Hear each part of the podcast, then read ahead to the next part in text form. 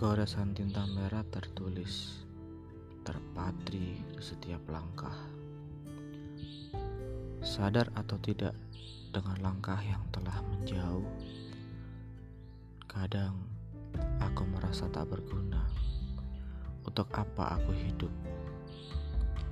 Dan di saat letih menyambar, mulailah menyalahkan Tuhan, keadaan, waktu, hingga menyalahkan diri sendiri.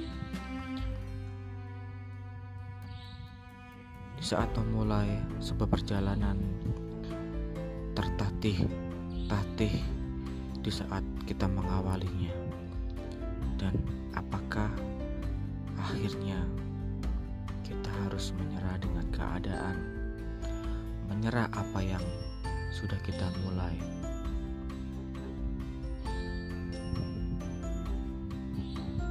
Kita lupa bahwasanya hasil itu butuh perjuangan yang sangat kuat.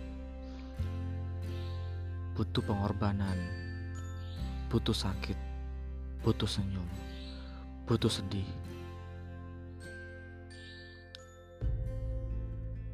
Terkadang sakitmu itu bukanlah sakit untuk selamanya.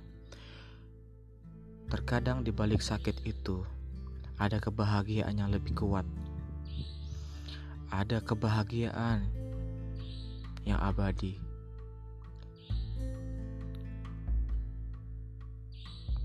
Mengalalah dengan keadaan, mulailah menerima keadaan yang sudah ada, dan mari,